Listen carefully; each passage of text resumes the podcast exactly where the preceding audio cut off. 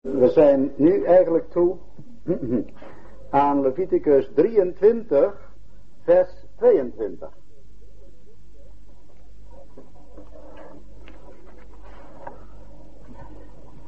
En we lezen tot en met vers 25.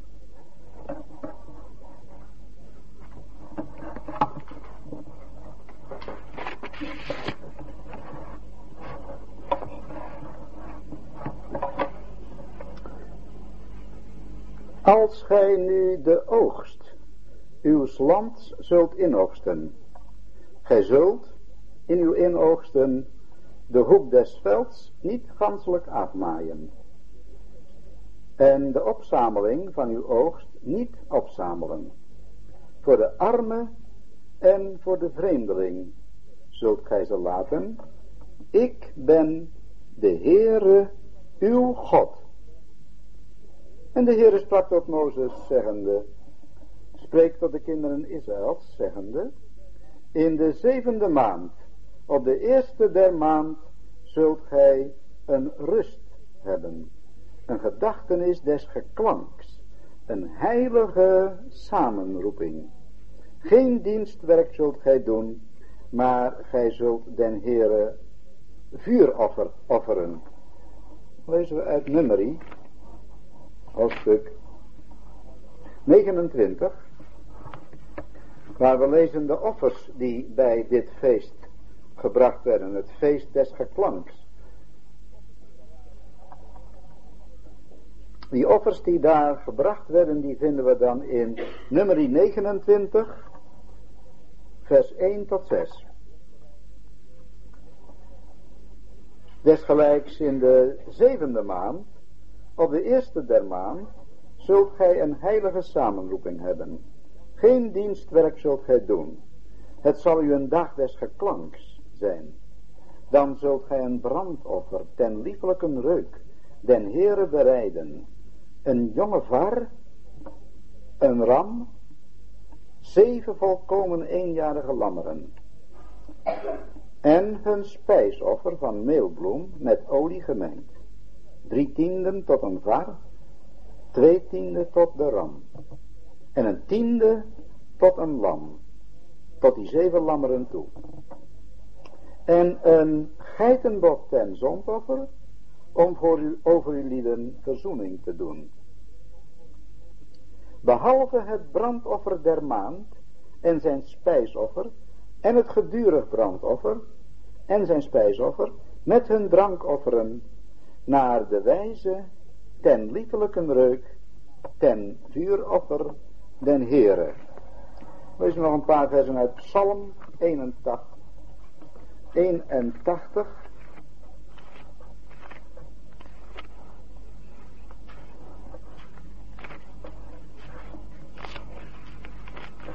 Psalm 81, vers 2. Zingt vrolijk, Gode onze sterkte, juicht den God van Jacob, heft een psalm op en geeft het trommel, de liefelijke harp met de luid, blaast de bazuin in de nieuwe maan, de bestemder tijd op onze feestdag. Want dit is een inzetting in Israël, een recht van de God Jacobs. Dan lezen we een paar versen uit Matthäus evangelie, hoofdstuk 24.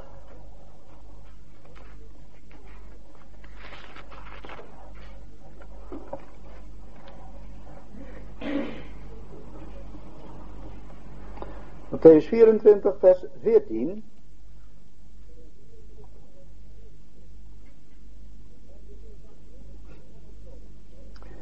En dit evangelie van het koninkrijk zal over het gehele aardrijk gepredikt worden tot een getuigenis voor alle volken. En dan zal het einde komen. Vers 30. En dan zal het teken van de zoon des mensen verschijnen in de hemel. En dan zullen alle stammen van het land weeklagen. En ze zullen de zoon des mensen zien komen op de wolken des hemels met kracht en grote heerlijkheid.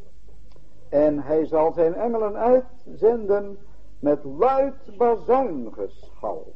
En ze zullen zijn uitverkorenen bijeen verzamelen uit de vier windstreken van het ene uiterste van de hemelen tot het andere uiterste daarvan. Lees ook nog iets uit 1 Korinthe 15, de brief aan de Corinthiërs, hoofdstuk 15.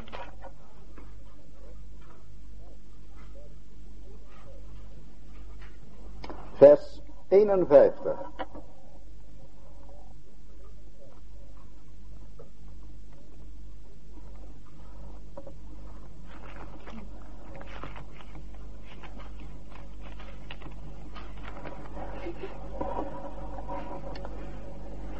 Zie, ik zeg u een verborgenheid. Wij zullen niet allen ontslapen, maar wij zullen allen veranderd worden. In een ondeelbaar ogenblik, bij de laatste bazuin. Want de bazuin zal klinken en de doden zullen onvergankelijk worden opgewekt en wij zullen veranderd worden. En gaan we nog even terug naar, naar Romeinen, ten slotte.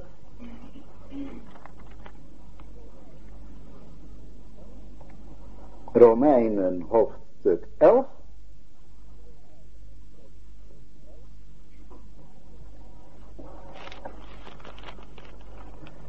Vers 11.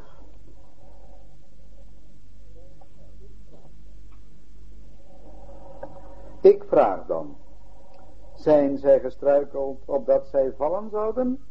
Volstrekt niet. Maar door hun val is het heil tot de volken gekomen, of tot de heidenen gekomen, om hun tot jaloersheid op te wekken. En als hun val, of hun blindheid, de rijkdom van de wereld is, en hun verlies, de rijkdom van de volken, hoeveel te meer hun volheid. Want tot u, volken, zeg ik, voor zover ik de apostel van de volken ben, verheerlijk ik mijn bediening. Of ik op enige wijze de jaloersheid mocht opwekken van mijn verwanten naar het vlees, en enigen uit hen behouden mocht. Want, als hun verwerping de verzoening van de wereld is, wat zal hun aanneming anders zijn dan leven uit de doden? En tenslotte vers 32.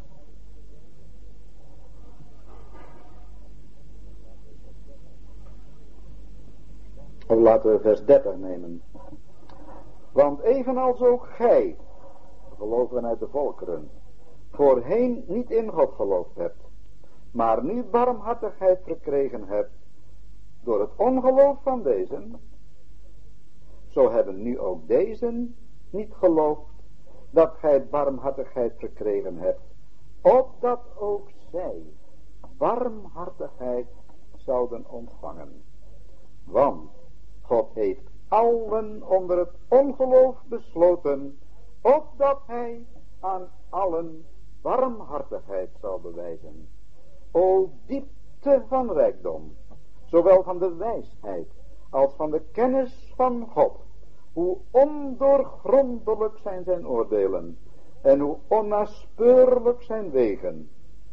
Want wie heeft de zin van de Heere gekend? Of wie is zijn raadsman geweest? Of wie heeft hem eerst gegeven en het zal hem vergolden worden? Want uit hem en door hem en tot hem zijn alle dingen. Hem zij de heerlijkheid tot in eeuwigheid. Amen.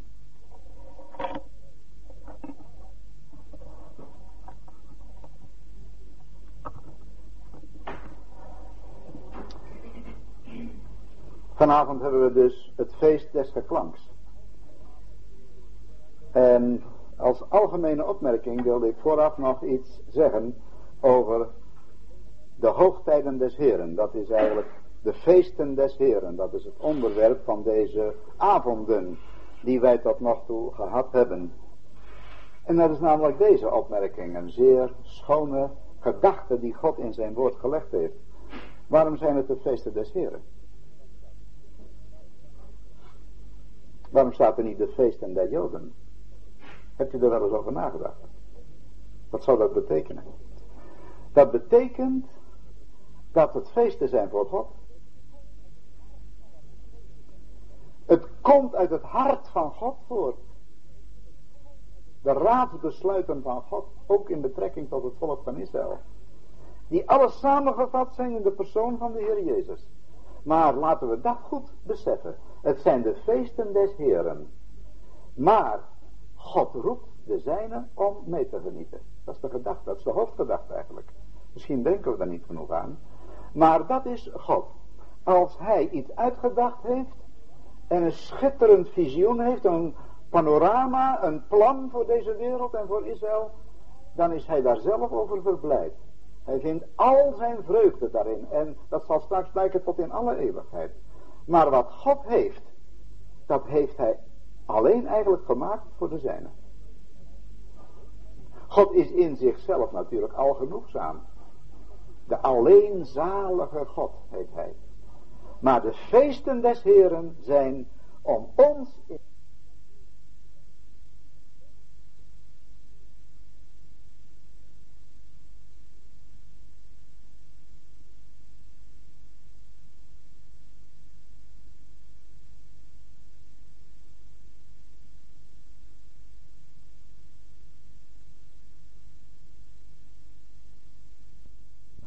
het eerste feest van Jehovah, van Yahweh. Maar dat is natuurlijk om ons, zoals we dat toen gezien hebben, de rijkdom te laten zien van de waarde van het bloed van de Heer Jezus, van het lam. En dat die arme zondaar, die ver van God is, dat hij veilig is achter het bloed. En niet alleen veilig, zoals we gezien hebben, maar dat hij daar ook de zekerheid van kan krijgen door het woord van God. En daar ook de vreugde van kan krijgen. En ik hoop eigenlijk dus dat we dat alle reeds mogen bezitten. Veiligheid, zekerheid en vreugde. Door het bloed van het lam. En dan hebben we gezien, de, daaraan verbonden was, direct met het Pascha, was verbonden het feest van de ongezuurde broden. En dat betekende, zuurdeeg was onreinheid, zuurdeeg was opgeblazenheid, bedrog. Maar op een verlossingsfeest van het Pascha, daarop volgt zeven dagen een volkomen tijd, symbolisch ons leven, dat mag ongezuurd zijn. Ik zeg niet dat het dat altijd is, maar de Heer wil ons dat geven, doordat we met Hem verbonden zijn, met de Verlosser, eengemaakt door dood en opstanding heen, met Hem gestorven, met Hem opgestaan, dat wij dan zeggen, en nu, Heer, mijn leven is voor U. Dat is het feest van de ongezuurde broden. Ik zeg niet dat we dat altijd helemaal doen, maar hoe meer we dat doen, ons geheel overgeven aan zijn liefde, in gehoorzaamheid, hoe gelukkiger we zijn.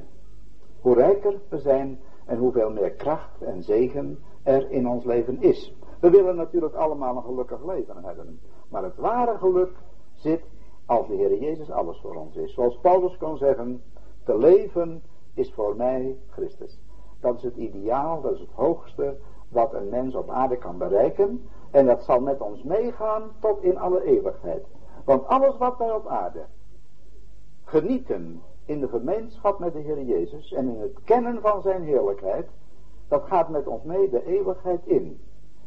Wij zijn zo gauw geneigd, als u bent net als ik, om aan de aardse dingen te denken. En dat moet ook. Je moet werken, je moet studeren soms, en je moet ploeteren soms wel eens. Maar dat moet niet de hoofdzaak zijn. In deze tijd van materialisme is het goed als we bedenken dat het fijnste is als je schatten hebt in de hemel. Want die schatten op aarde die vergaan door mot of roest. Maar de schatten in de hemel die blijven. Tot in alle eeuwigheid. Dat was het tweede feest eigenlijk. Dus het feest van de ongezuurde broden. En dan het derde, dat was de opstanding, de eerstelingschap. We hebben dat gezien uit die dode aarde. Daar kwam die eerste aren, kwamen daaruit. Het was in dit geval was dat gest. Gest is het allereerste van de, van de eh, die ontkiemen en die ook ge, geoogst worden. En dat is een beeld van de eersteling Christus. En de Heer Jezus is degene die de zoon van de levende God is, door de dood heen en door de opstanding heen.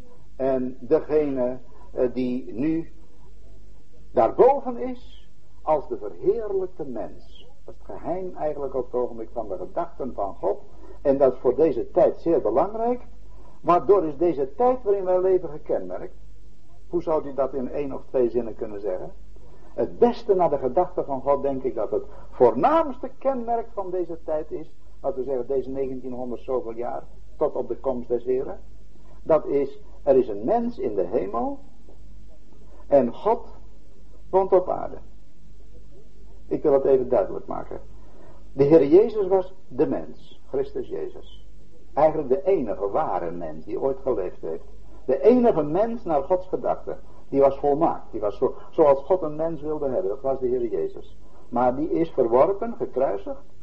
Maar in zijn dood was hij de verzoening voor alle die later in hem zouden geloven. En ook vroeger. Maar nu is er een mens, broeders en zusters. Die mens, Christus Jezus, is gestorven. En die is verheerlijkt, opgestaan uit de dood. En nu is hij in de hemel. Dus er is maar één mens in de hemel op het ogenblik. En dat is de verheerlijkte Zoon des mensen. Wij zien Jezus, zegt de Hebreeënbrief, hoofdstuk 2. Een weinig minder geworden vanwege het lijden des doods. Gekroond, gekroond met heerlijkheid en eer. Ziende op Jezus. Hebreeën 12. Want aanschouwt hem hij is het middelpunt van de gedachte van God. Dat is voor deze tijd. De verheerlijkte opgestane Heer aan de rechterhand van God. Als de hoge priester die voor de zijne leeft. En God de Heilige Geest woont op aarde. Daar is deze tijd gekenmerkt. En dan zitten we gelijk gekenmerkt. En dan zitten we gelijk in het volgende feest. En dat was het feest van de zeven weken. Het zogenaamde wekenfeest. Ook wel genoemd het Pinksterfeest. Pinkster betekent namelijk vijftigste. Vijftigste dag. En dat zeven weken zijn 49 dagen. Vanaf de opstanding van de Heer Jezus op de eerste dag der week, op een zondag. Zeven weken later. Plus één. Dat is de vijftigste dag. En dat is de dag dat de Heilige Geest is uitgestort. En die Heilige Geest, die woont nu op aarde. En die woont in alle ware gelovigen. Ieder die weet een kind van God te zijn, die mag weten en die mag zeggen door genade de Heilige Geest woont in mij. Je zou het niet durven zeggen. Ik zou het wel eens willen vragen. Zouden jullie dat allemaal zelf door, als ik nou zeggen, aan persoonlijk voor u zou kunnen staan. En zou zeggen, gelooft u dat de Heilige Geest in u woont? Dan hoop ik dat u allemaal ja kunt zeggen. Maar het is wel ontzaglijk. Het is ongelooflijk. Maar de Heilige Geest is nedergedaald en die woont nu op aarde.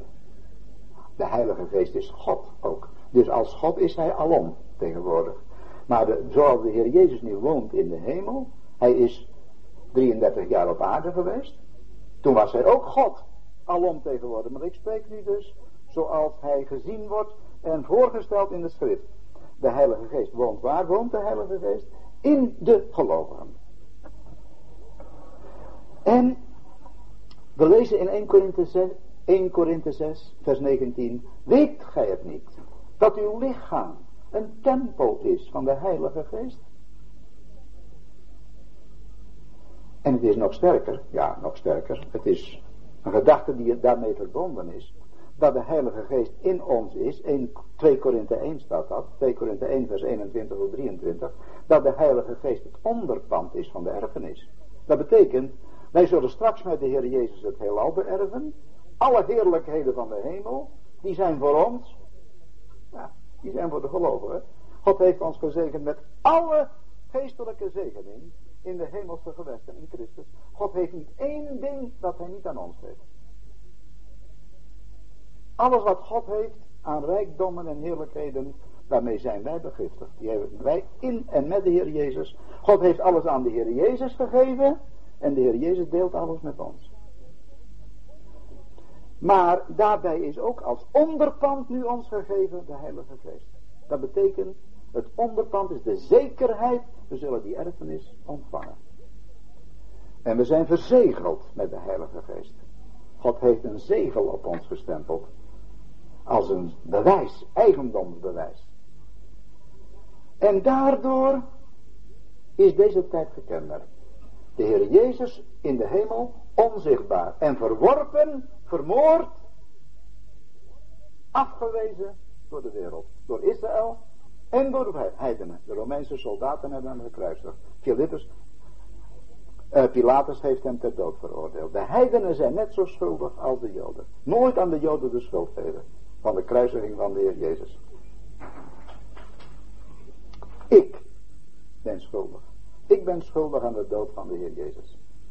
Moet iedereen zeggen die eerlijk is. Door je zonden en door je schuld. Maar nu is die Heilige Geest gezonden.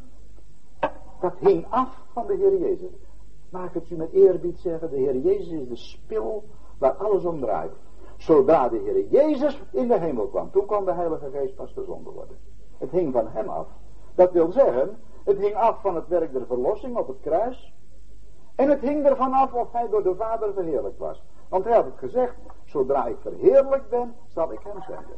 De Heer Jezus heeft de Heilige Geest gezonden, maar ook de Vader. De Vader zal hem zenden, ook beide. En toen is de Heilige Geest gezonden. En nu vraag ik u. Misschien heb ik die vraag vorige keer ook gesteld, het is maar een kleine herhaling. Wat kon God meer geven? Dan zijn veelgeliefde zoon. God de zoon heeft hij ons gegeven. Al zo lief God de wereld gehad. Dat hij zijn enig geboren zoon gegeven heeft.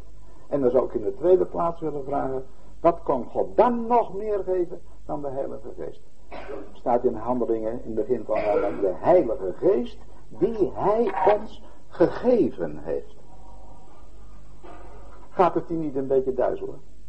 Kunt u het aan? Kunt u het begrijpen? Begrijpen natuurlijk nooit. Maar durft u het te aanvaarden? Kunt u zeggen, ja God, kan het niet begrijpen. Dat u uw zoon gegeven hebt, God de zoon, en God de heilige geest. En dat ik allebei kan zeggen, die zijn al van mij. Ik zeg het alleen maar dat u, dat u eh, als het ware zegt, ja met begrijpen zal het niet gaan, grijp het onbegrepen aan. Maar dat u het zult aanvaarden en God ervoor zult danken en verheerlijken. Zeg, o God, daar is een God aan u gelijk. Welke God u kon niet meer geven. De gevende God. En dat stemt ons tot dankbaarheid. En als het goed is, tot lof en dank. En tot aanbidding. Wij doen misschien nog veel te weinig aan lof en dank. Veel te, misschien wel veel lezen en genieten. Maar er moet ook iets terugkomen. Hij wil graag iets ontvangen van ons. Namelijk lof en dank. En nu zitten we dus in het volgende feest dat we al de laatste keer gehad hebben de vorige keer. En dat is het Pinksterfeest. En dat is het week, feest van de weken. En dan werden er twee broden gebracht als offer. Heel vreemd was dat. Twee broden. Maar, schrik niet, als u nog niet gehoord hebt, broden waar zuurdeeg in zat. We hebben juist gehoord dat zuurdeeg altijd in de Bijbel een beeld is van kwaad. Zuurdeeg van huichelarij staat er van de fariseeën. Zuurdeeg van onoprechtheid en leugen en bedrog, opgeblazenheid, hoogmoed. Maar het is de enige keer in de Bijbel dat zuurdeeg gebruikt wordt in verbinding met iets goeds. Dat betekent die broden zijn goed. En dat is een beeld van de gelovigen in deze tijd. Zit daar dan zuurdeeg in? Ja. In de Heer Jezus niet. De Heer Jezus was ongezuurd. En de Heer wil nu graag dat wij als heiligen, als kinderen van God voor hem leven. Maar dat brood was gebakken. Heb ik u vorige keer nog niet opgemerkt, maar dat wil ik nu even onderstrepen. Dat brood was gebakken. En zodra het brood in de oven geweest is, dan is de werking van het zuurdeeg gestopt. De werking van het zuurdeeg gaat alleen door, zolang het nog niet eh, in het vuur geweest is. Maar doordat wij in aanraking zijn geweest met het werk van de Heer Jezus op het kruis, als het ware in het vuur geweest, daarom is het kwaad in de gelovigen, in de gemeente, gestopt. Ik wil niet zeggen dat het niet meer gevonden wordt, maar zo moeten we dat zien. Er is zuurdeeg in ons, maar het is in het vuur geweest.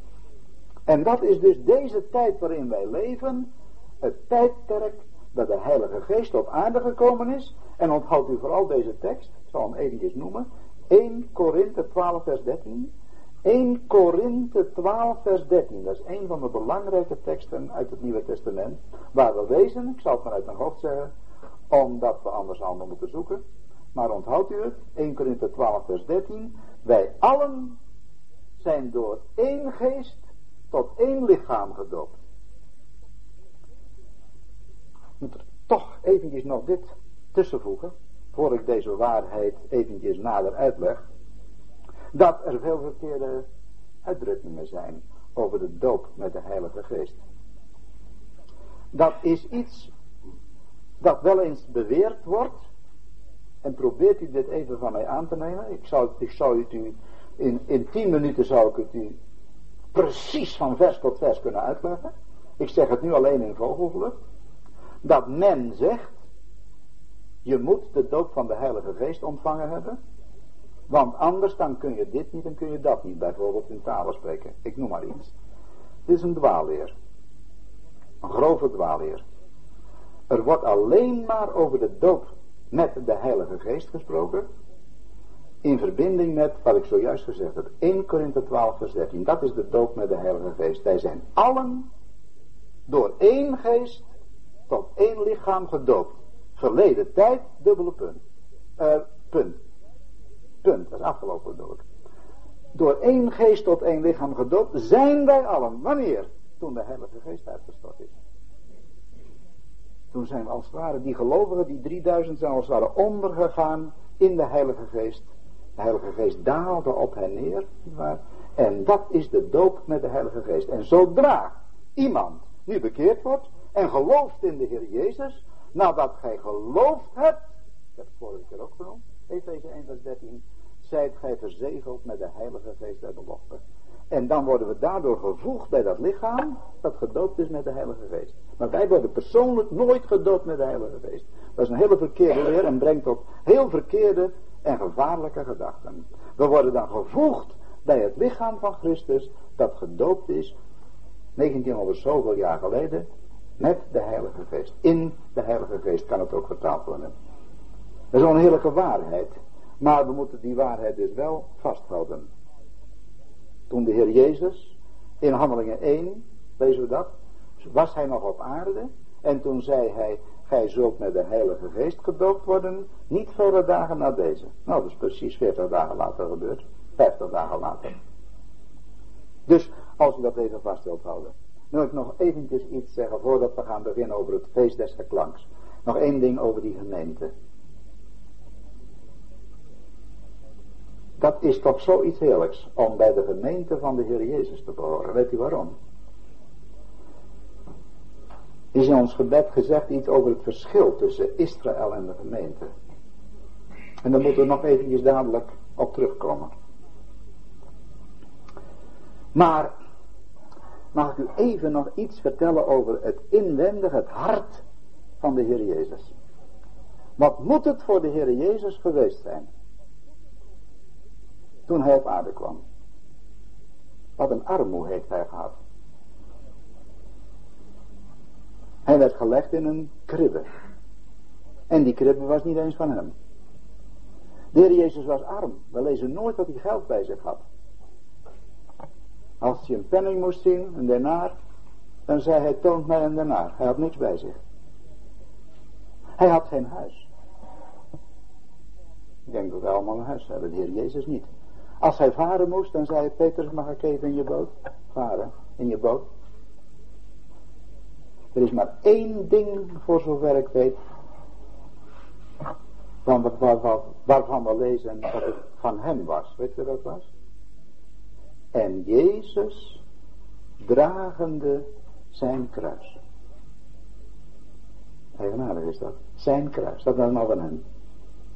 Dat kruis, waar hij zo onuitsprekelijk veel heeft geleden, lichamelijk. En ook vooral, dat is nog veel erger geweest, voor onze zonden. En nu, wat is nou het ergste geweest voor de Heer Jezus, terwijl hij hier op aarde was? Dat hij geen weerklank vond. Er waren er wel een paar, Johannes en Petrus en Andreas enzovoorts, Filippus, die hadden hem lief. Maar die vijfduizend mensen, wat zei hij tegen hen? Ge mij gevolgd. Ja, waarom? Om de broden. Om de tekenen en de wonderen. Hoeveel mensen zouden er geweest zijn die echt in de Heer Jezus geloofd hebben? We weten het niet. Maar toen hij gestorven was en verheerlijkt in de hemel, dan vind je er waren er 120 in Jeruzalem. 120. En wat heeft de massa geroepen? Heel die massa, weg met hem. Kruisig hem. Heer Jezus werd niet begrepen. Hij werd gehaat, de fariseeën. Ze hebben geprobeerd hem van de stijlte af te werpen. Ze hebben geprobeerd hem te stenigen. En nu, even goed nadenken. De Heer Jezus, zijn hart was verwond. Hij vond geen liefde.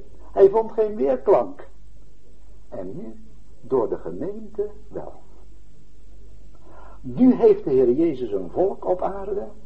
En die zijn door een levend geloof met hem verbonden. En er staat die gij niet gezien hebt. En nogthans lief hebt. Nu zijn er op aarde duizenden en miljoenen die de Heer Jezus lief hebben. En dat zoekt hij. De Heer Jezus is ontzettend blij dat er nu zoveel mensen zijn die hem lief hebben.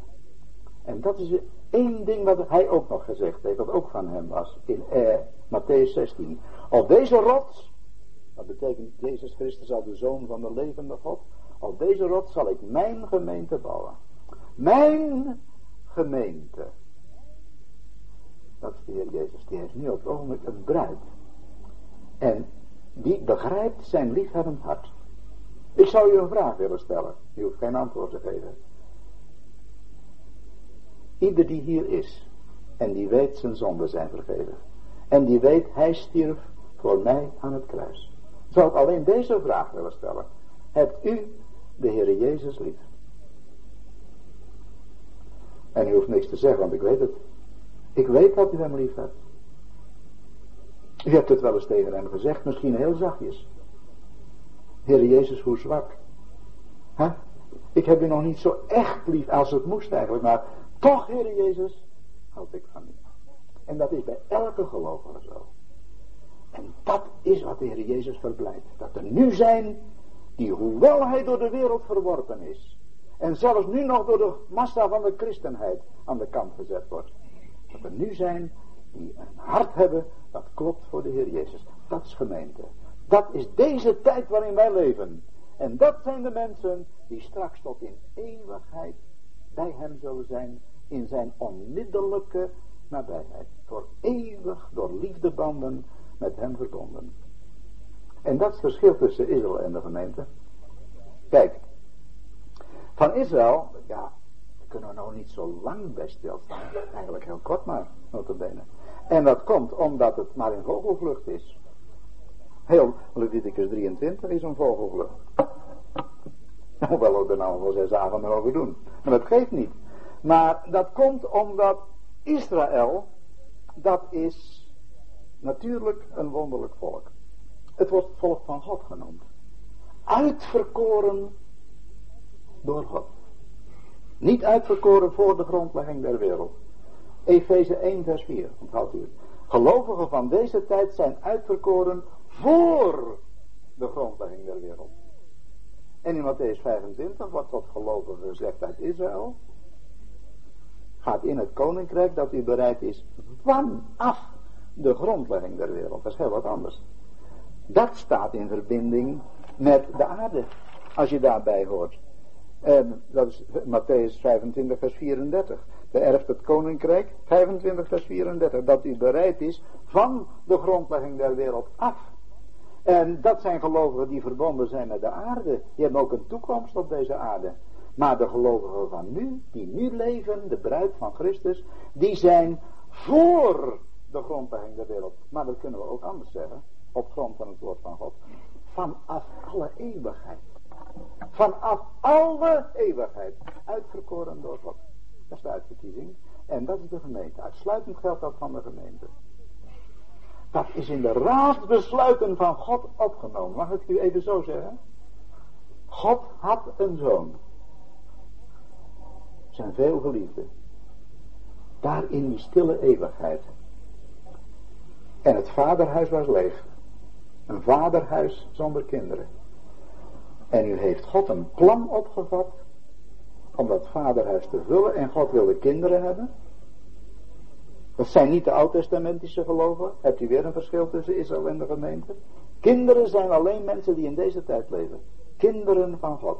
Door het geloof in de Heer Jezus Christus. En God had een raadsbesluit om mensen in zijn eeuwige heerlijkheid in te voeren. En God zal niet rusten voordat dat gebeurd is. Dat is heel het doel van God. Dat zijn de hoogtijden des Heren. God heeft een feest. En hij wil ons daarin voeren. Dat is het onderwerp van deze avonden. God is niet tevreden als wij niet komen in de heerlijkheid bij hem. Hij wil niet alleen zijn.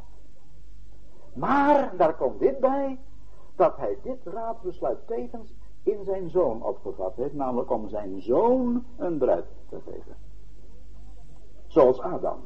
Toen Adam in het paradijs was in de Hof van Eden, toen zag hij dat hij alleen was. En toen zijn vrouw gemaakt was door God. Toen zei hij, deze is ditmaal been van mijn been en vlees van mijn vlees. En zo zijn wij één met de Heer Jezus, uit hem genomen en eeuwig aan zijn zijde. Hè? Daarom uit zijn zijde is daarom die rib genomen, niet uit zijn voet, om haar te vertreden. En niet aan zijn hoofd om over haar te heersen, maar uit zijn zijde. Hier, bij zijn hart vandaan. Dat is de Heer Jezus. En dat zijn de eeuwige raadsbesluiten van de Heer Jezus en van de Vader en de gemeente van Christus. Dat is van eeuwigheid tot in eeuwigheid. Heb ik de Bijbel kort samengevat. Israël was een volk van God. Maar voor de aarde, leest u maar in Deuteronomium, alle zegeningen die God hen beloofd had. He, je zult vruchtbaar zijn in vee enzovoorts, en uw huis en uw tuin en uw land, zal allemaal gezegend worden. Maar Israël voor de aarde. Er was natuurlijk ook wel een genade voor, voor hen. En we lezen ook in het Oude Testament van mensen die wisten dat hun zonden vergeven waren. Maar die hadden niet die zegeningen die wij bezitten.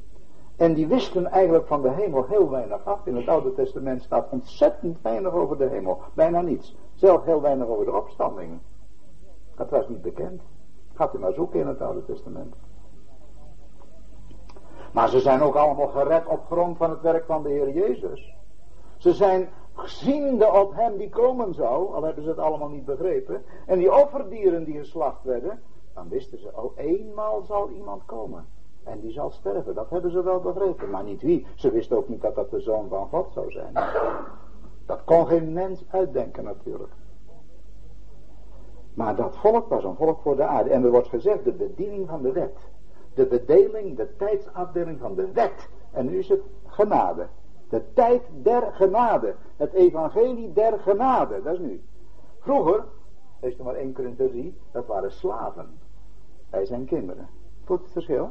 Zij waren, ze moesten doen, werken. Als gij deze dingen zult gedaan hebben, zult gij leven. En de Heer Jezus zegt, kom tot mij alle die vermoeid en belast zijn, en ik zal u werk geven. Zei de Heer Jezus dat? Nee, hij zei niet, ik zal u werk geven, ik zal u rust geven. Dat is voor deze tijd. Is dat niet wonderlijk? Doe dit en gij zult leven. Helemaal niks doen. Wat moet je doen? Geloof in hem. Dit is het werk Gods. Dat gij gelooft in hem die hij gezonden heeft. Wat een genade. Wat we uitgerekend dat we nu mogen leven in deze tijd. Dat is de gemeente. Israël was onder de vloek eigenlijk. Want indien iemand in één ding zondigt, is hij onder de vloek. Die is vervloekt, is schuldig aan alle tien geboden. En nu komt de genade. Het werk van de Heer Jezus, dat is volbracht. Het is volbracht.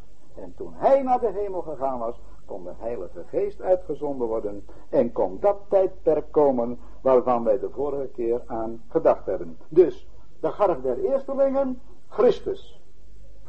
Het Pinksterfeest, de twee broden, die van Christus zijn. Het werk is de garf der eerstelingen, de persoon en de resultaten, de resultaten van zijn werk, dat is de gemeente. Maar nu vanavond is ons onderwerp eigenlijk Israël. En dat is het feest des geklanks. Er zal een tijd komen dat de bazuin zal klinken en dan zal het volk van Israël bijeen geroepen worden. Zoals we gelezen hebben, een heilige verzameling. En dat was Leviticus 23, vers 23. Dat is het feest des geklanks. Dat betekent, wat we gelezen hebben in Psalm 81, blaas de bazuin in Sion. Het feest komt voor Israël. Het gaat niet over ons, dat gaat over Israël. We hebben één ding nog overgeslagen en dat is vers 22. Dat heb ik wel gelezen, maar daar heb ik nog niets van gezegd. Waarom staat er in Leviticus 23 tussen die twee feesten van het Pinksterfeest en het feest des geklanks, waarom staat daar vers 22 tussenin? Daar staat, als gij nu de oogst uw land zult inoogsten, gij zult in uw inoogsten de hoek des velds niet ganselijk afmaaien. En de opzameling van uw oogst niet opzamelen. Voor de arme en de vreemdeling zult gij ze laten. Ik ben Yahweh, uw God, de eeuwig getrouwe, uw God. Waarom staat dat er nou tussenin? Dat heeft er dan niks mee te maken. Dat heeft toch niks met die feesten te maken? ja. Ja, kijk, dat is goddelijke gedachtegang. Tussen het feest van de weken en dit in de zevende maand, kijk maar vers 27, op de, op de tiende der zevende maand, en in vers 24 op de zevende maand, op de eerste der maand, die drie feesten die nu kwamen, die zijn allemaal in de zevende maand. Dan is het feest des geklanks. Maar er staat een tussenzinnetje in, vers 22. En er waren vier maanden tussen. En dat betekent, er is een tussenruimte. En die tussenruimte dat God weer met Israël gaat beginnen, dat is nu. En er staat voor de armen, voor de vreemdeling en voor de wezen. Dat zijn wij nou uitgerekend. Wij zijn van die arme mensen. Israël was niet arm. Israël was rijk. Hij had een gebouw van God, een tempel van God. Was het volk van God. God woonde bij hen. Dat was uitverkoren volk. Ze waren het rijkste volk van heel de wereld. Het middelpunt van heel de aarde. En wij, ver van God. Vijanden van God. Arm. Schuldig. En we hadden geen enkele belofte. God had aan Israël de belofte gegeven. Hij zegt tegen Abraham, ik zal u zegenen. Ik zal u een land geven. Zal u een volk maken. In u zullen alle volkeren der aarde gezegend worden. Ga zo heel het Oude Testament maar door. Ze zijn ongehoorzaam geweest. Ze hebben God verworpen. En ze hebben later de Heer Jezus verworpen in de evangelie. En in de handelingen hebben ze de Heilige Geest verworpen. In de persoon van Stefanus bijvoorbeeld. Dus ze hebben God de Vader verworpen in het Oude Testament. De Heer Jezus de Zoon in de evangeliën. En de Heilige Geest in de handelingen. Dus Israël is terzijde gesteld. Maar wij, wij hadden helemaal niets. Wij waren arm, ver van God. En nu komt die genade van God. En die zegt nou, laat nou voor die vreemdeling, voor die weduwe en voor die wees die hoeken van het land maar staan. En niks oprapen. U weet toch wat van Boas? U kent het verhaal van Boas toch wel? Uit het boek Rut. Dat, dat Boas. Laat maar wat vallen jongens. Voor wie? Voor die bruid. Voelt u het? Boas is de Heer Jezus. Zijn naam betekent in hem is sterkte. En wat was Rut voor iemand? U weet het wel. Een Moabitische. Die mochten niet in het tiende geslacht, mochten ze nog niet eens in de vergadering van Israël binnenkomen. Dat zijn wij. Ver van God. Maar wat goed dat Boas vriendelijk was voor haar. En wat goed dat Rut het waagde om te gaan lezen, op gaan lezen, op gaan gaderen, daar in het veld van Boas. In het veld van Boas, dan word je rijk. Boas betekent in hem is sterkte, in hem is kracht. En had, Boas, had Rut het ooit kunnen denken, toen ze daar naar Bethlehem als arme weduwvrouw die aren op ging rapen, had ze ooit kunnen denken dat ze de bruid had geworden? Nou, dat heeft ze niet kunnen dromen. De bruid van die schatrijke Boas. Dat is nou de Heer Jezus. Dat is een symbool, dat is een typische voorstelling dat wij zo ver van God waren en zo rijk begenadigd zijn. Maar, hoewel het waar is, we hebben het gelezen in Romeinen 11. En eigenlijk gaat hoofdstuk 9 tot en met 11 van de Romeinenbrief gaat over Israël. Hoofdstuk 1 tot 8 van de Romeinenbrief. De leer van het heil. De genadiging van de verloren zondaar. De rechtvaardiging door het geloof. Brief aan de Romeinen. Tot en met hoofdstuk 8. Maar dan begint hoofdstuk 9. Wat nou met Israël? Hoofdstuk 9, 10 en 11. Wat gebeurt er nou met Israël? Heeft God zijn volk verstoten? Absoluut niet, volstrekt niet. De roeping van God en de uitverkiezing zijn onberouwelijk. Wat God beloofd heeft aan Abraham, dat zal gebeuren. God heeft in Genesis 12 gezegd, je krijgt een land, een volk en een zegen. Drie dingen. Oh ja, maar er komt niks van terecht hoor van Israël. En ze zitten er nou ja, toen ik jong was. Toen zei mijn vader, ze komen terug in Israël. Nou, ik kon het niet geloven hoor. Maar ze zijn er. En nou gaat het krapjes. Hè? Het is een zwak spulletje. En ze zitten van alle kanten in de vijanden. Maar God heeft het gezegd. En dat zie je nou dus in dit gedeelte. En God heeft het gezegd, ze komen terug. Ze zijn terzijde gesteld. Waarom? Omdat ze hun koning niet aangenomen hebben. En in die tussentijd, het is nu een tussenbedeling. In het Oude Testament vindt u niets van de gemeente. Wat in Efeze 3, dit is een verborgenheid, een geheim, dat in alle eeuwen verborgen geweest is in God. Niemand wist het in het Oude Testament. Alleen typen, die beelden. Denk u maar aan Rebecca en Isaac. bijvoorbeeld, er zijn zeven bruidstypen. Adam en Eva heb ik u al genoemd. Dat is het eerste type van Christus en de gemeente. Maar dat wist niemand. Dat lag verborgen. En dat wordt in Efeze 5 wordt dat pas uit de doeken gedaan. Efeze 5 wordt dat verklaard. Ik zeg dit op Christus. Daarom zal een mens zijn vader en moeder verlaten en zijn vrouw aanhangen. Ik zeg dit op Christus. En op de gemeente elk huwelijk. In heel de wereld. Ook van ongelovigen. Is een beeld van Christus en de gemeente. God heeft alleen maar. We hebben zijn. Bidden voor het volk der Joden. Maar het eerste wat nu gebeuren moet, dat is de komst van de Heer Jezus. Om de bruid, om de gemeente op te nemen in heerlijkheid. En dat is die bazuin waarvan we gelezen hebben in 1 Korinther 15. Dat is een heel andere bazuin. Mooie, mooie vraag, om er iets over te vragen. Maar als de gemeente in de hemel is, dan begint pas God weer met het volk van Israël. Op het ogenblik is alles nog voorspel. Want als de gemeente opgenomen is, de bruid van Christus, dan komt eerst nog de antichrist en het beest.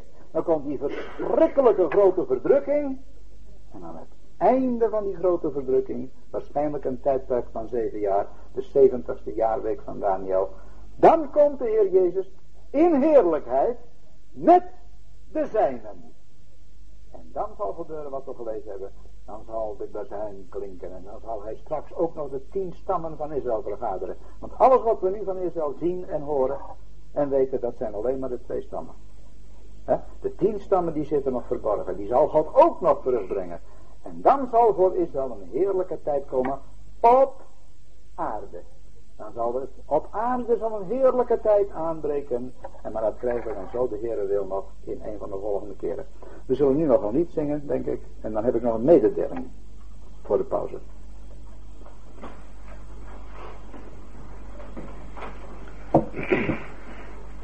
Ik stel voor dat we zingen het zevende lied van het stensel.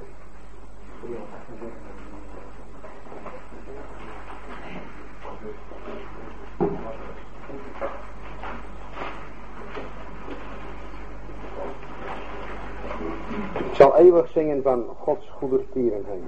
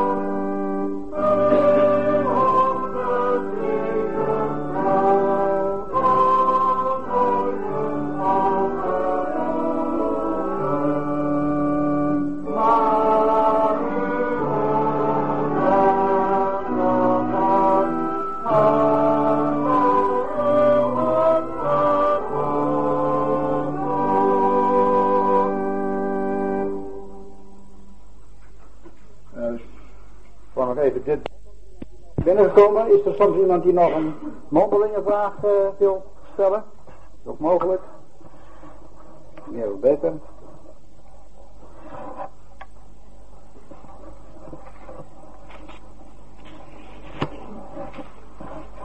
Ik heb hier een vraag over de doop met de Heilige Geest.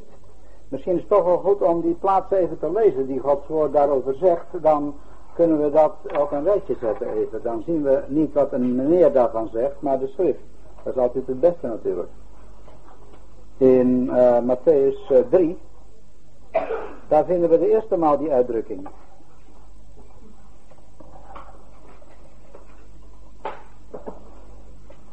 Daar lezen wij in Matthäus 3.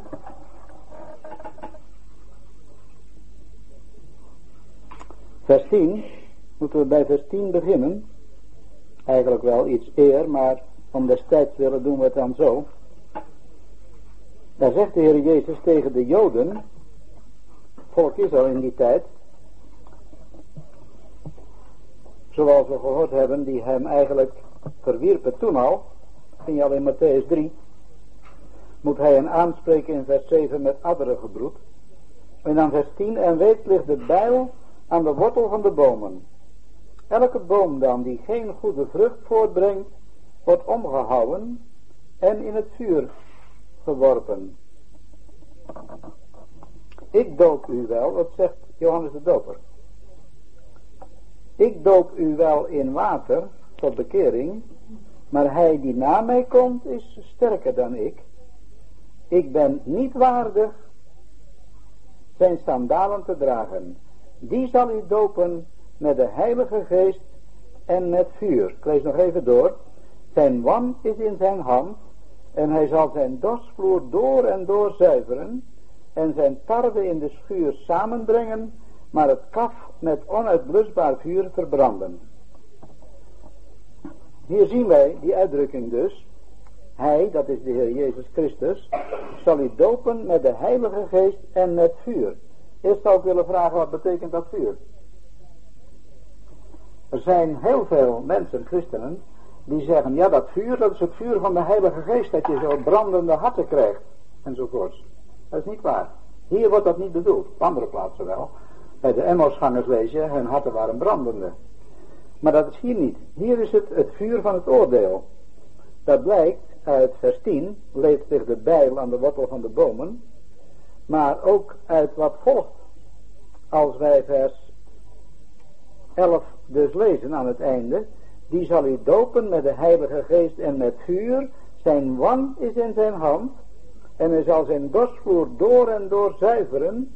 En zijn tarwe in de schuur samenbrengen. Maar het kaf met onuitblusbaar vuur verbranden. Met de heilige geest zal hij dopen, dat is de zegen. Maar met vuur is het oordeel.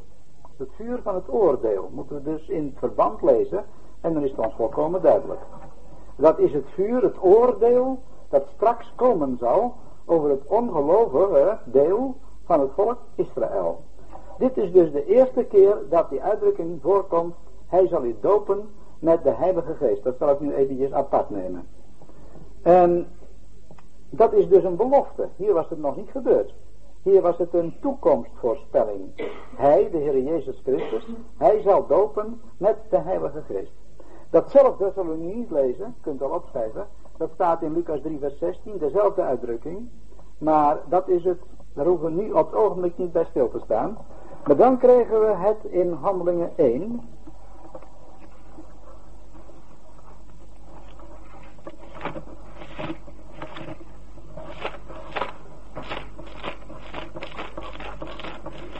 in Handelingen 1 vers 5.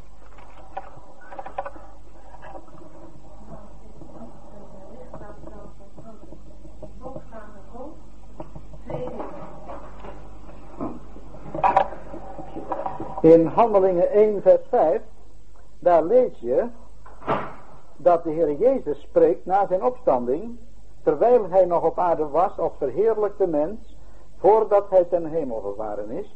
Want Johannes doopte wel met water, maar gij, gelovigen die hier bij mij staan, gij zult met de Heilige Geest gedoopt worden, niet vele dagen na deze. Daaruit blijkt dus dat het nog niet gebeurd was. Even goed opletten, hè. Dus, Johannes had het voorspeld, het zal gebeuren. En hier zegt de Heer Jezus, weer een voorspelling. Het zal gebeuren, niet vele dagen, niet veel maanden staat er niet. Staat er niet veel jaren. Veel, niet veel dagen na deze. En nu in handelingen 2 is het gebeurd. Is die heilige geest uitgestort. En dat was de doop met de heilige geest. En dat vinden we dan in, nog even lezen in 1 Korinthe 12. Dat is de laatste maal dat het voorkomt. 1 Korinthe 12 vers 13. Want ook wij allen zijn door één geest tot één lichaam gedoopt. Het zij Joden, het zij Grieken, het zij slaven, het zij vrije. Hier is het verleden tijd. Hier is het niet, hij zal u doden, maar we zijn gedoopt. Dat was gebeurd hier. We zijn gedoopt, dat verleden tijd. Dus, dat toen hier was het gebeurd. En daartussenin heb je de uitstotting van de Heilige Geest. En toen zijn dus in Handelingen 2, toen de Heilige Geest neerdaalde, zijn de gelovigen gedoopt met de Heilige Geest. En als iemand nu bekeerd wordt, gelooft, dan wordt hij gevoegd daardoor bij het lichaam van Christus, dat gedoopt is met of in de Heilige Geest. Nu heb je wel in Handelingen 8 bijvoorbeeld, en Handelingen 10, als Petrus spreekt tot Cornelius en de zijnen, en in Handelingen 8 bij de bekering van de Samaritanen, dan vind je wel dat de Heilige Geest komt in hun harten. Maar dat is een voortzetting eigenlijk van handelingen 2. En daar wordt niet gesproken van de doop meer. Dat die doop, zeg ik nogmaals, is eenmalig, is eenmaal gebeurd. En die leest wel, toen viel de Heilige Geest op hem. Dat lees je wel in handelingen 10. Dat is dus in handelingen 2 de Joden. In handelingen 8 de Samaritanen. Half Jood, half Heiden. Een mengsel. En handelingen 10, de heidenen. Dat waren, de, de vrienden van en het huisgezin van Cornelius. En Cornelius was een Romeinse hoofdman.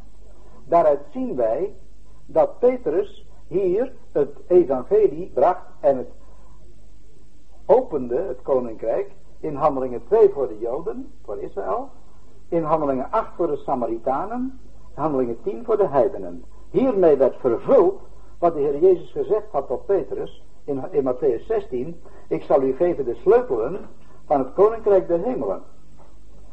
En dat heeft hij, het koninkrijk der hemelen heeft hij geopend met die sleutel, symbolisch, in handelingen 2 voor de joden. In handelingen 8 moest Petrus expres komen om de heilige geest hun handen op te leggen, dat de heilige geest kwam. Petrus moest dat doen voor de Samaritanen. En handelingen 10 moest Petrus weer gehaald worden erbij, want de Heer Jezus had aan hem de sleutelen gegeven. En sleutelen zijn niet om te bouwen, wel eens gezegd dat, Peter, dat Petrus bouwt. Dat is niet waar, helemaal niet. De Heer Jezus bouwt. Ik zal bouwen. Mijn gemeente zal ik bouwen. Op de rots. Dat is het fundament, dat is hij zelf. Maar met sleutelen bouw je niet. Heb je wel eens gezien die iemand met een sleutel bouwt? Dat gebeurt nooit. Een sleutel is alleen om te openen. En dat heeft Petrus gebruikt. Ook eenmalig. Is voorbij. En dus blijkt nu dus, nu, nu heb ik alle plaatsen gelezen waar, plaats, waar gesproken wordt over het dopen van de Heilige Geest. Alleen heb ik nog niet gelezen Handelingen 11, komt er nog één keer voor. En dat is toen die Heilige Geest viel op Cornelius en de zijnen, leest dit maar in Handelingen 11. Daar leest u in Handelingen, dan verhaalt Petrus wat in Handelingen 10 gebeurd is. Dan leest u in vers 16. En ik herinnerde mij het woord van de Heer, hoe hij zei, Johannes doopte wel met water, maar gij zult met de Heilige Geest gedoopt worden. Dat is verleden tijd. Dat was nu dus gebeurd. Hij herinnerde zich daaraan dat dat nu gebeurd was. En dat was een herhaling als het ware van de Pinksterdag. Maar het is dus duidelijk, ik heb nu vijf plaatsen genoemd over het dopen met de Heilige Geest. Dat zijn de enige vijf plaatsen die in heel de Bijbel genoemd worden. En dan moeten we niet iets van bij gaan maken. Dan moeten we niet gaan zeggen, jij moet gedoopt worden. Of ben je al gedoopt met de Heilige Geest? En met die gevolgen die er dan bij genoemd worden. zelfs van, uh, laten we zeggen, van wonderen, van gebed, genezing enzovoort. Dat is weer een heel ander onderwerp. De Heer geneest en de Heer doet grote wonderen. Dat is waar. Maar niet een bepaalde gave. Als wij op het ogenblik spreken van gebedsgenezing, dan, dan bedoelen we eigenlijk bidden. Dan komt er iemand en die kan, op, die kan genezen. Wat gaat hij dan doen? Het is opgemerkt, dan gaat hij bidden.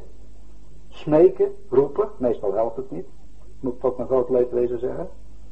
Maar dat is geen gebedsgenezing. Gebedsgenezing is niet bidden. Bidden mogen we allemaal. En dat doe ik ook. Op ben ik heel sterk aan het bidden voor iemand die ziek is. Mogen we doen. Als de Heer dat wil, dan zal hij genezen. Maar dat is, geen, dat is geen genezing. Dat is niet de gave van genezing. De gave van genezing dat is, sta op. Sta op uit de dood. Gebeurt niet hoor. Dat is niet waar. Eh, ik wil daar nu niet verder over spreken. Er gebeuren grote wonderen. Maar eh, we moeten wel onderscheiden tussen de gave van de genezing. Die Paulus had. En de Heer Jezus natuurlijk. En Petrus. Als de schaduw op hen viel dan werden ze genezen. Maar dit is dus een ander onderwerp. Maar de doop met de Heilige Geest heb ik u nu uit Gods woord aangetoond. Vijf plaatsen waar het genoemd wordt dat het niets te maken heeft wat nu in deze tijd gebeurt. Integendeel, Efeze 1 vers 13, nadat gij geloofd hebt in de Heer Jezus als verlosser, dan zijt gij, toen zijt gij verzegeld geworden, verleden tijd, met de Heilige Geest. En dat is die grote genade waarvan wij gesproken hebben. Welke, lees maar welke tekst.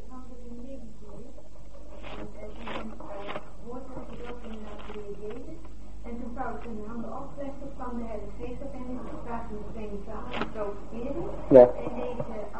Zijn man. Maar staat dat de handen opgelegd werden en ontvingen. Ik vind het goed dat je die tekst erbij noemt, dan maakt het misschien nog duidelijker. Hier wordt dus niet gesproken over de doop met de Heilige Geest. Nee. Goed, dus dit is, een, dit is dus een ander onderwerp. Ja, goed. Dat is een ander onderwerp en dat is toch wel goed dat het even genoemd wordt. Waarom? Omdat hier iets gebeurt wat bij ons niet zo is. En daarom vind ik het erg fijn dat je het even aanhaalt. Want hier staat dus niet dat ze de Heilige Geest kregen nadat ze ehm, geloofd hadden. Hier kregen ze het pas na de dood. Ik wil dit toch nog even, nu dit uh, in het midden gebracht wordt, wil ik dit nog even samenlezen met u als u goed vindt. In Handelingen 19.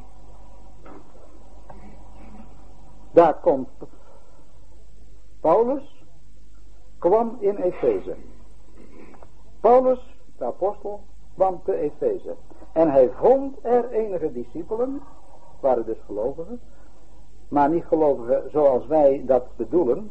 Dit waren dus mensen die bekeerd waren door de doop van, met de doop van Johannes. Dat blijkt uit het volgende, gaan we nu lezen. Hij vond er enige discipelen, dat discipelen betekent leerlingen, en zei tot hen, hebt gij de heilige geest ontvangen toen gij geloofd hebt? Kijk, dat is het normale. Dat is Efeze 1. Nadat gij geloofd hebt, hebt gij de heilige geest ontvangen. Efeze 1 vers 13. Hè? Dat vroeg hij. En ze zeiden tot hem, tot Paulus, we hebben zelf niet gehoord of de heilige geest er is. Die wisten niks af van de Heilige Geest. Die wisten zelf niks af van de Heer Jezus. En van zijn werk op het kruis. Die hadden alleen maar geloofd dat Johannes gezegd had, bekeer, je bent een zondaar, je moet je zonde beleiden. En die waren gedoopt met de doop van Johannes. Dat blijkt dus, we hebben niet gehoord, en vers 2, of de Heilige Geest er is. En hij zei, tot welke doop zijt gij dan gedoopt? En ze zeiden tot de doop van Johannes. En Paulus zei, Johannes doopte met de doop van de bekering. Terwijl hij tot het volk zei dat ze moesten geloven in hem die na hem kwam. Dat is in Jezus. De doop van Johannes is niet de christelijke doop. Dat was een doop tot bekering. En daar ontving je de Heilige Geest niet door. En niet door de dood trouwens nog niet. Dat, dat moet je dus goed vasthouden. Door de dood ontvang je ook de Heilige Geest niet. wij ontvangen de Heilige Geest, Efeze 1 vers 13, nadat gij geloofd hebt. Als je dus geloofd hebt, dan komt vanzelf de Heilige Geest in je. En dan heb je daardoor de zekerheid en de blijdschap. Dat is de Heilige Geest. En vers 5. En toen zij dit hoorden, lieten zij zich dopen tot de naam van de Heer Jezus. Dat is de christelijke doop. En toen Paulus hun de handen had opgelegd, kwam de Heilige Geest op hen. En ze spraken in vreemde talen en profeteerden. Dit is iets wat nu niet meer past. Waarom niet? Dit waren Joden. Dit waren Joden.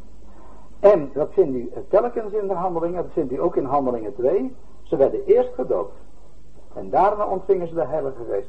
Dus dat was bij de Joden in die tijd een uitzondering. Waarom?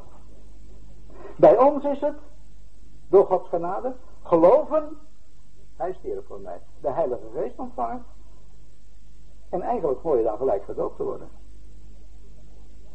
Dat kan misschien wel een week duren, het kan misschien een jaar duren, hè, als het winter is bijvoorbeeld, en je, wil, je woont bij de zee. Hè, ik heb een kennis die is in de zee gedoopt. Nou, dan heb je water genoeg. Maar dat is dus, ja, dat is weer een ander onderwerp of nou dopen of besprenkelen, besprenkelen is. Dat is natuurlijk vers 2. Maar als we het nou dus zo zien, iemand die bekeerd is, gelooft in de Heer Jezus, ontvangt de Heilige Geest en hij wordt gedoopt. Eigenlijk ben je na de doop pas een christen. De doop is een beleidenis. Ik hoor bij een gestorven heiland. Ik word gedoopt tot zijn dood. Ik hoor, ik hoor bij een gestorven heiland. Dat is de doop eigenlijk. Een beleidenis zonder woorden. Maar in die tijd moesten ze eerst gedoopt worden. Paulus de handen op hen leggen. En dan ontvingen ze de Heilige Geest. En dat kwam omdat het Joden zijn. En dat is zo omdat God het zo gemaakt heeft. De Joden hebben toen in die tijd de Heer Jezus gekruisigd. En die moesten eerst door een zichtbare daad. Dat ze werkelijk onder water wilden. Als ware in de dood wilden gaan. En door dit getuigenis. Dan kon God hun de Heilige Geest geven. Dat geldt niet voor de heidenen. Voor de heidenen geldt het. Wij zijn heidenen. Wij zijn de volken. Onze voorvaders hebben door afgoden verdiend. En nu geldt het, volgens Gods woord, geloven, de Heilige Geest ontvangen. En dan kun je ook je laten dopen. kun je laten doen.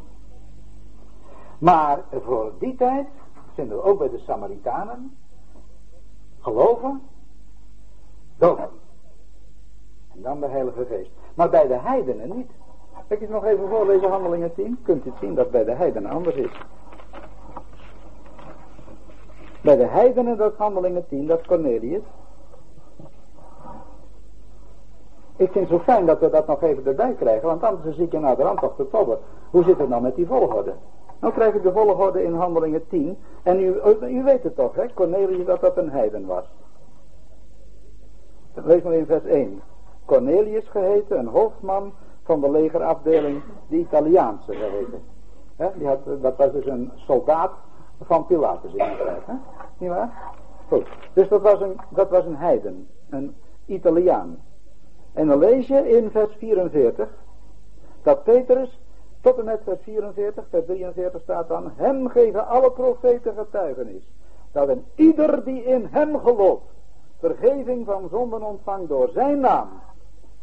Terwijl Petrus deze woorden nog sprak, viel de Heilige Geest op allen die het woord hoorden. En de gelovigen uit de besnijdenis, dat zijn de Joden, die met Petrus waren meegekomen, stonden verbaasd dat de gave van de Heilige Geest ook op de volken uitgestort werd. Want ze hoorden hen spreken in vreemde talen en God groot maken. Dat vind je trouwens later ook niet meer in de brieven. In het algemeen gesproken, alleen als een teken. Toen antwoordde Petrus, en nu krijg je dus de doop, kan ook iemand het water weren dat deze niet gedoopt zouden worden die de Heilige Geest ontvangen hebben. Ziet u dat hier de Heilige Geest ontvangt? Dat zijn heidenen. En vers 48, hij beval hen te dopen. In de naam van de Heer. En in handelingen 19, eerst dopen en dan de Heilige Geest. En dat komt alleen omdat het Joden zijn. Ja? Duidelijk hè, de schrift is niet zo moeilijk.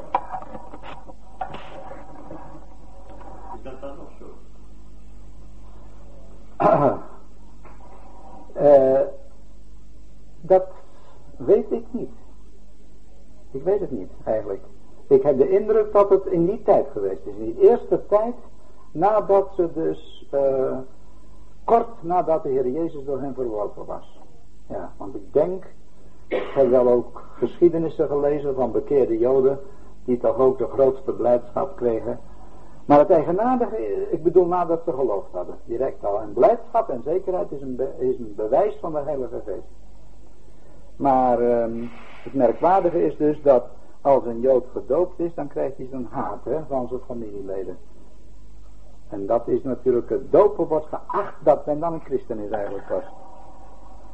Ja, hier nog iets over, voordat we aan het andere punt beginnen. We nog eventjes. Ja, ja, ja. Die Cornelius was, hier, een uh, zeer godvruchtige man. Ja. Eerder van God. Ja. Maar hij was niet, hij was niet, hij was, uh, ja kijk, u kunt die Cornelius het beste gelijk schakelen met, met een Jood voor de kruisiging van de Heer Jezus. Huh? Met de fariseer. Ja, maar dan een goede fariseer dus. Uh, je had in die tijd zoals uh, mensen die zochten ook God, de Jozef van Arimathea en dergelijke. En uh, ik geloof dus, op grond van wat u daar zegt, dat, um, ik vind het fijn dat u dat zegt, maar komt er weer een ander iets uit de doeken.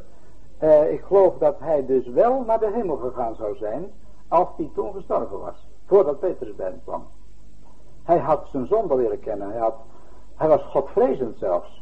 He, niet maar uitwendig godvrezend, zoals de fariseeën waren, maar hij, uh, God had hem lief. En dat blijkt als je heel het hoofdstuk leest. Zo we heel, heel uh, Handelingen 10 moeten lezen. God spreekt tot hem, was een engel. Maar kijk, en nu komt het kernpunt. Hij hoorde toen nog niet tot de gemeente. En mag ik dat nog even onderstrepen dus. Misschien vindt u het heel vreemd. Maar de moordenaar aan het kruis.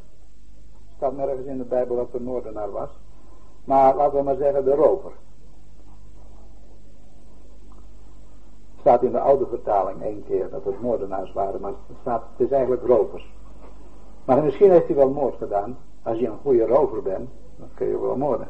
Maar die rover aan het kruis, als die, laat dan maar zeggen, die is gestorven voordat de Heilige Geest uitgestort was.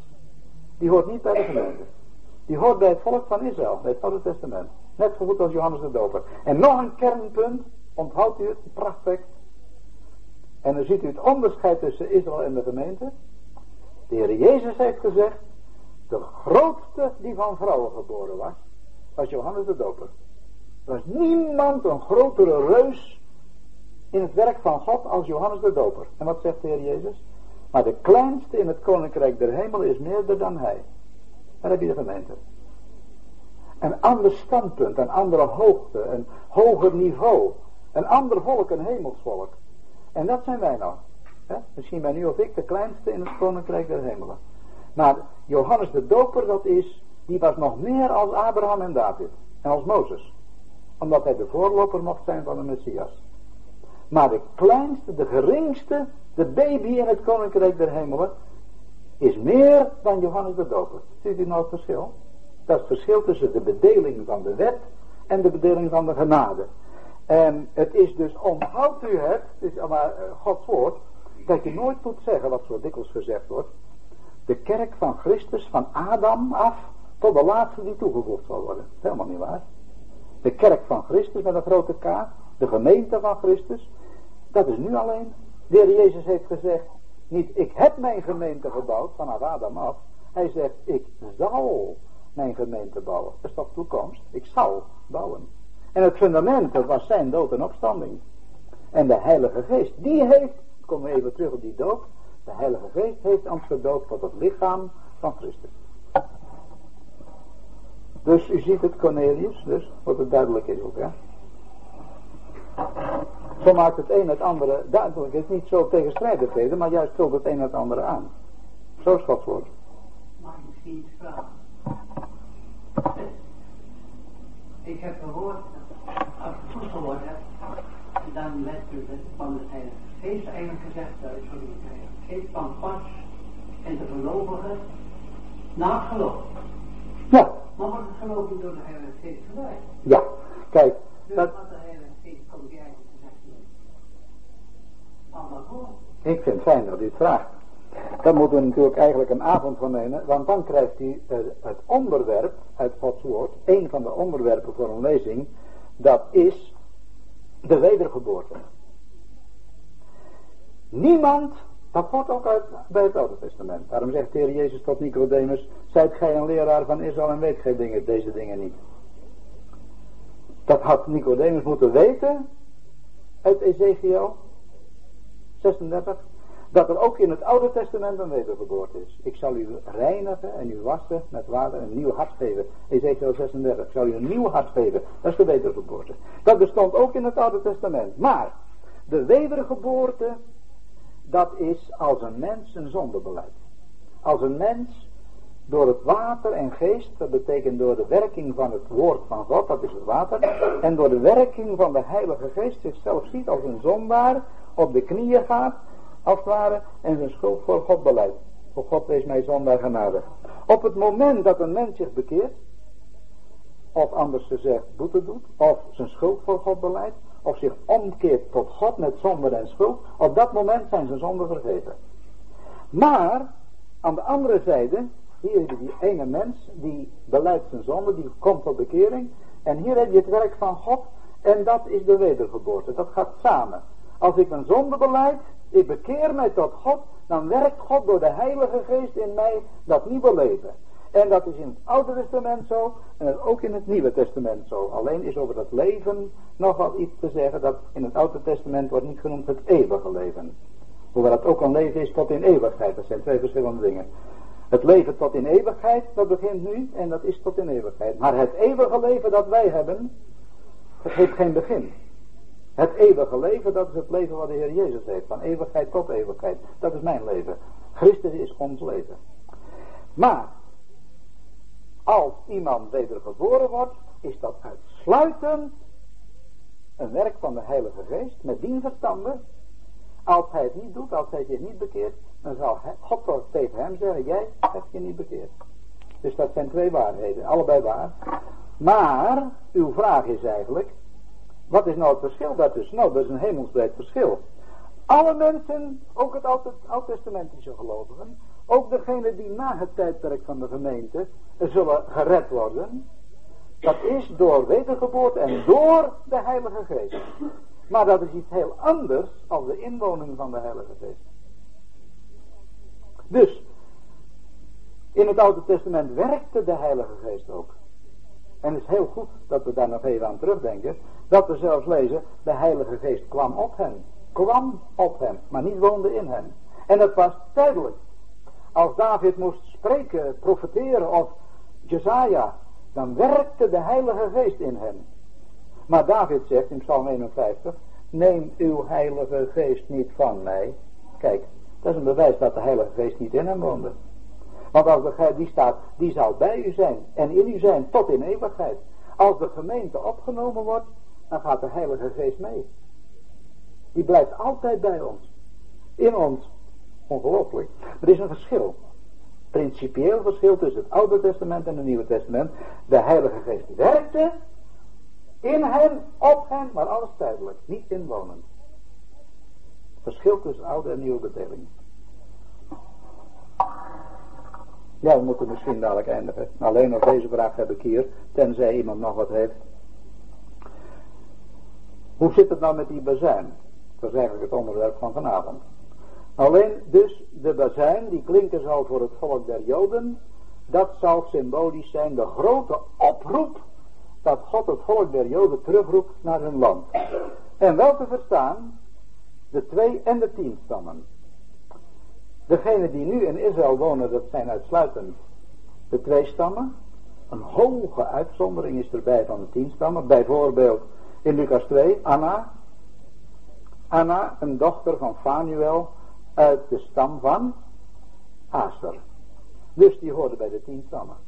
Maar de twee stammen die toen in grote, grote geheel in Israël woonden, die waren uit Babel gekomen. Leest u maar. Ezra en Nehemia kunt u de geslachtsregisters lezen. Dat waren de twee stammen die waren naar Babel gevoerd. En die zijn teruggekomen in het land. En daar is de Heer Jezus geboren. Juda en Benjamin. De Heer Jezus was uit Juda. Naar de mens. En waar zijn die tien stammen dan? Die zijn weggevoerd niet naar Babel. Maar in het jaar 722 naar Assyrië.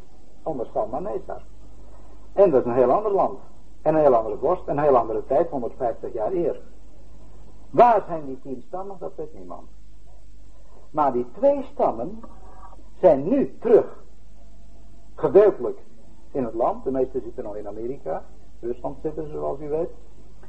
Maar die twee stammen zullen die vreselijke tijd van de grote verdrukking doormaken.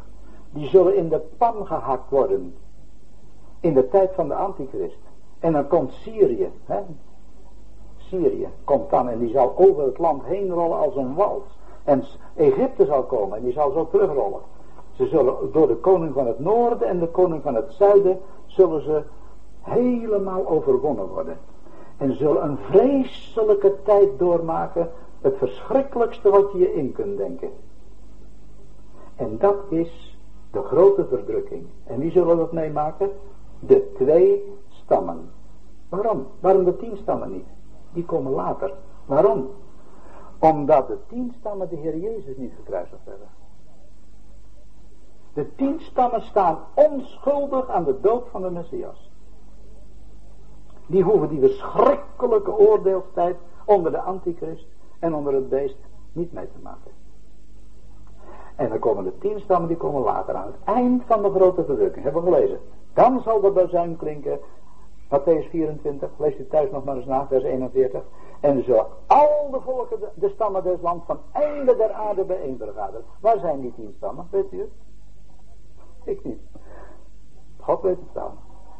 God weet waar ze zijn. Soms dan hoor je ineens, oh daar zitten nog een hoop Joden. Ethiopië, oh daar. Ja, ik weet het niet waar ze zitten. God weet het. En die zullen teruggebracht worden in hun land. En dat is de bezuin eigenlijk. Nou zullen de twee stammen onder de roede doorgegaan zijn van de Assyriërs. En de tien stammen, staat onder andere in Ezekiel 20. Daar kunt u lezen van het volk van de stammen van Israël. Dat zijn eigenlijk de, de zogenaamde twaalf stammen, 10 en 2. Daar staat Ezekiel 20, vers 30 en 34, kunt u dat lezen. Daar staat, ik zal ze brengen uit de woestijn der volken. Dan gaat het niet over de twee stammen. Dan gaat het niet over de stam van Juda. Maar je hebt soms Juda en Israël. Juda, dat zijn de twee stammen. Israël zijn de tien stammen. Ephraim staat symbolisch voor de tien stammen. En Juda staat symbolisch voor de twee stammen. Juda en Benjamin. En dan zullen ze terugkomen in het land. En dan zullen zij daar de vredetijd doormaken. En dan wil ik besluiten met dit. We moeten, als we vanavond over de bazuin gesproken hebben. Die bazuinen van Leviticus 23. Psalm 81. Matthäus 24. Waarover de bazuinen gesproken wordt, moeten we niet verwarren met wat we gelezen hebben in 1 Korinthe 15. Wij zullen niet alle ontslapen, maar we zullen alle veranderd worden bij de laatste bazuin. Wat is dat? Dat is niet de bazuin voor Israël. Dat is de bazuin die elke dag klinkt al, misschien vanavond. Als de Heer Jezus komt en de zijne in een punt des tijds in een ogenblik opvoert. En misschien zegt hij, ja maar de laatste bazuin, dat is zeker die laatste van die zeven bazuinen in de openbaring. nee, nee, kijk, in de openbaring vind je de bazuinen van het oordeel. Dat zijn die zeven bazuinen, dat is weer iets heel anders. Dat is weer een ander soort bazuinen. Dat is alleen de oordelen die over Israël zullen komen. Dus je hebt de zeven bazuinen van het oordeel. Je hebt de bazuin die Israël terug zal roepen in zijn land. En de laatste bazuin, dat is in 1 Korinthe 15. Dat is voor ons. Ja, maar u zegt, wat zijn die andere bazuinen dan geweest? Ik geloof dat dit een beeld is ontleend aan het Romeinse leger. Het Romeinse legioenen die hadden de gewoonte, de eerste bazuin dat was verzamelen. De tweede bazuin dat was opstellen in orde, roepenkolonne. En de derde bazuin was voorwaarts nas. En die laatste bazuin, dat is als de Heer Jezus komt. Nu moeten wij ons klaarmaken. Nu moeten we bereid zijn. En dan wil ik mee eindigen. Geven de Heer Jezus. Dat we alle bereid zijn. Niet. Ik bedoel, in de eerste plaats dus, dat we onze zonde vergeven zijn. Dat we daar zeker, we daar zeker van zijn. Zekerheid van de vergeving van zijn zonde. Die niet bekeerd is, gaat dan niet mee. Die blijft achter. En die kan zelfs niet meer bekeerd worden. Dat is weer een ander onderwerp. Maar dat is, in de grote verdrukking zullen nog vele bekeerd worden. Een schare die niemand tellen kan. Maar die zijn niet meer bij de gemeente. En dat zijn ook niet mensen die nu het evangelie gehoord hebben. Maar als de Heer Jezus komt, Vandaag of morgen. Het kan ook later duren. Weet het niet. Maar we moeten bereid zijn. Hoop ik dat wij bereid zullen zijn. Eh, dat betekent dat onze zonden vergeven zijn. En we weten dat hij onze heiland is. Er hoort eigenlijk, als het goed is, nog iets bij. Dat je los bent. Dat je niet meer hangt. Bijvoorbeeld aan je geld. Zo, ja, natuurlijk stom. Maar het kan gebeuren. Ik weet van iemand die hing erg aan zijn geld. Die kon heel slecht sterven. Dat is ongelooflijk. Dat is erg. Dan ben je arm. Maar als je dus, nou, we zijn misschien niet altijd, aan nou zijn moeder van haar kinderen, zou ze los van zijn? Nou, dat zou niet zo makkelijk wezen. Maar als ze klein zijn, dan gaan ze mee. Maar je moet soms wel eens losgemaakt worden van iets. Maar als het maar geen dingen zijn die niet goed zijn. Als je los bent, Heer Jezus, kijk u maar in mijn hart. Ik zou graag willen hebben dat u er alles uithaalt wat niet goed is. Maar ja, dat is toch heerlijk. Als je dan de Heer Jezus zult zien, een ogenblik, de wereld zal hem niet zien. Ze zullen alleen maar merken, het zijn lege plekken. Er zijn die mensen naar de staaltje gebleven. Ik hoop dat die koster ook bekeerd is. Soms katholiek kan best wezen. Maar als hij dan terug zou komen en er zou niet meer, als hij nog niet bekeerd was en hij zou het zaaltje leeg vinden. Dat is ook een stomme.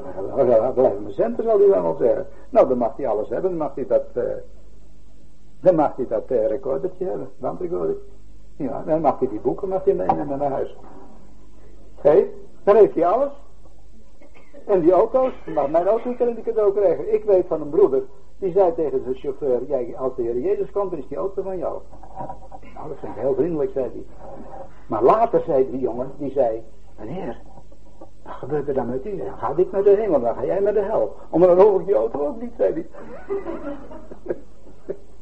maar dat is dus de komst des Heren. Wat zal dat zijn als de Heer Jezus komt en als we hem zullen zien? Van die liefde van de Heer Jezus. Daar zijn we vanavond over begonnen. Die persoon die zo graag iemand heeft die zijn hart verstaat. En laat dat vanavond met ons meegaan. Dat de gemeente eigenlijk het gevolg is van de liefde van de Heer Jezus. En dat hij bij ons liefde zoekt. Die hij op aarde niet gevonden heeft. Hij wil vertrouwd met ons zijn. Zoals hij Johannes een plaats gaf aan zijn hart. Aan zijn borst. In zijn gemeenschap. En mogen het zo zijn. Bij u en bij mij. Dat zeg ik ook tot mezelf. Dat die persoon het voorwerp mag zijn van ons hart. Totdat hij komt.